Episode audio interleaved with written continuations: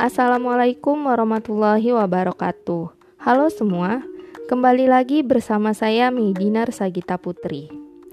Kali ini masih dengan segmen mereview film.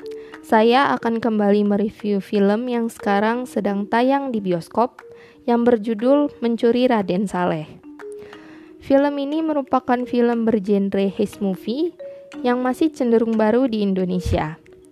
Nah, Heist Movie sendiri dilansir dari kumparan.com merupakan salah satu subgenre dari crime movie yang menceritakan mengenai perampokan skala besar yang terjadi di suatu lembaga penting dan melibatkan perencanaan yang matang.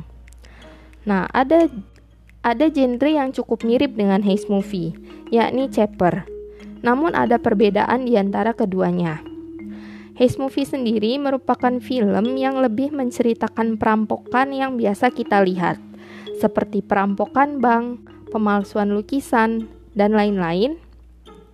Sedangkan untuk Chapter sendiri, genre perampokan yang ditampilkan lebih bersifat komedi, dan pencurian yang ditampilkan cenderung gagal akibat hal-hal konyol yang terjadi. Nah, kembali ke film Mencuri Raden Saleh, Film ini dibintangi oleh artis-artis muda seperti Iqbal Ramadan yang berperan sebagai Piko, Agen Nihak yang berperan sebagai Sarah. Sarah ini merupakan pacar dari Piko. Angga Yunanda berperan sebagai Ucup. Ari Irham berperan sebagai Tuk-Tuk. Rahel Amanda berperan sebagai Vela. Umay Syahab sebagai Gofar dan sederet aktor dan aktris lain yang ikut berperan dalam film ini. Nah, film ini sendiri menceritakan mengenai pemalsuan dan pencurian lukisan yang melibatkan sekelompok anak muda dengan imbalan sebesar 15 miliar rupiah.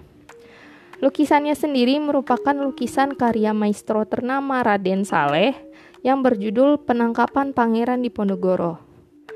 Nah, for your information, Raden Saleh sendiri merupakan pionir seni rupa modern di Indonesia.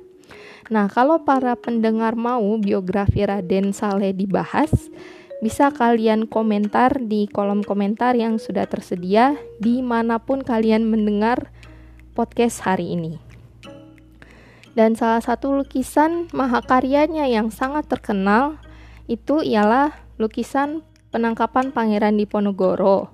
Nah, lukisan ini merupakan respon atas lukisan yang serupa yang, yang dilukis oleh Nicholas Pineman yang saat itu mengabadikan penangkapan Pangeran Diponegoro oleh pemerintah Hindia Belanda.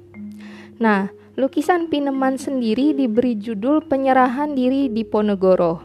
Nah, kalau kalian mau kedua lukisan ini dibahas di podcast ini juga, bisa kalian tulis di kolom komentar di mana pun kalian mendengar podcast ini mau di YouTube, Spotify, atau kanal-kanal yang lainnya. Nah, film ini sendiri sukses menampilkan genre pencurian yang sangat luar biasa dan mampu membawa penonton seolah ikut untuk merencanakan aksi pencurian tersebut. Nah, di sini juga ditampilkan masalah-masalah dari setiap karakter yang ternyata cukup kompleks. Seperti Pico yang ternyata dia sangat membutuhkan uang tersebut untuk membebaskan ayahnya dari penjara. Karena ayahnya sendiri terlibat dalam kasus pembobolan bank. Karakter Ucup yang juga memiliki masalah dalam keluarganya, namun di film tidak dijelaskan masalahnya itu apa Gofar dan Tuk-Tuk yang memerlukan uang tersebut untuk membuka bengkel sendiri terpisah dari bengkel milik ayah mereka. Dan Vela yang merupakan tokoh yang kehidupannya agak baik-baik saja, namun ia kekurangan kasih sayang dari ayah dan ibunya karena keduanya sibuk bekerja. Dan akhirnya Vela mengalihkannya dengan menjadi seorang bandar judi. Nah, semua permasalahan karakter yang ada di film ini sangat sukses ditampilkan oleh Mas Angga Dwi Sasongko selaku sutradara dari film ini. Nah, film ini sendiri merupakan film kedua dari Mas Angga yang sudah saya tonton. Sebelumnya saya sudah menonton filmnya yang berjudul Surat dari Praha.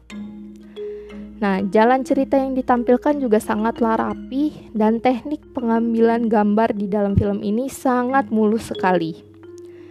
Nah, ketegangan juga sangat terasa saat adegan komplotan tersebut berusaha menukar lukisan tersebut saat pengantaran ke venue pameran dengan membuat kekacauan lalu lintas di jalur pengiriman.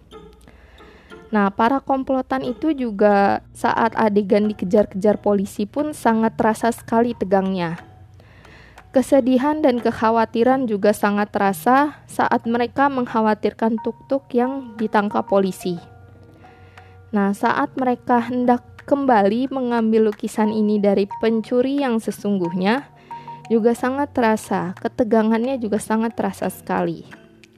Lalu, di saat akhir film, saat mereka hendak mengembalikan lukisan tersebut, saya sempat berpikir, oh mungkin lukisan penangkapan Pangeran Diponegoro yang asli itu akan dikembalikan ke Galeri Nasional atau ke pemerintah.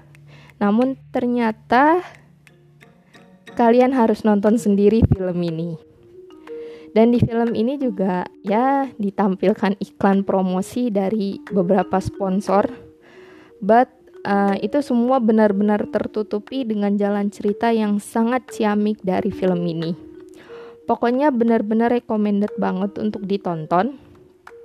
Dan di sini kita juga akan belajar seca uh, sejarah secara tidak langsung mengenai Raden Saleh dan lukisannya, yaitu penangkapan Pangeran Diponegoro yang sangat mengandung makna yang luar biasa tentunya. Pokoknya untuk pecinta seni, pecinta lukisan, pecinta crime movie, film ini harus banget kalian tonton. Rating untuk film ini ialah 9,2 dari 10. Sekian review singkat saya. Sampai bertemu di lain segmen yang akan hadir dalam channel YouTube saya. Terima kasih sudah mendengarkan, semoga bermanfaat. Salam.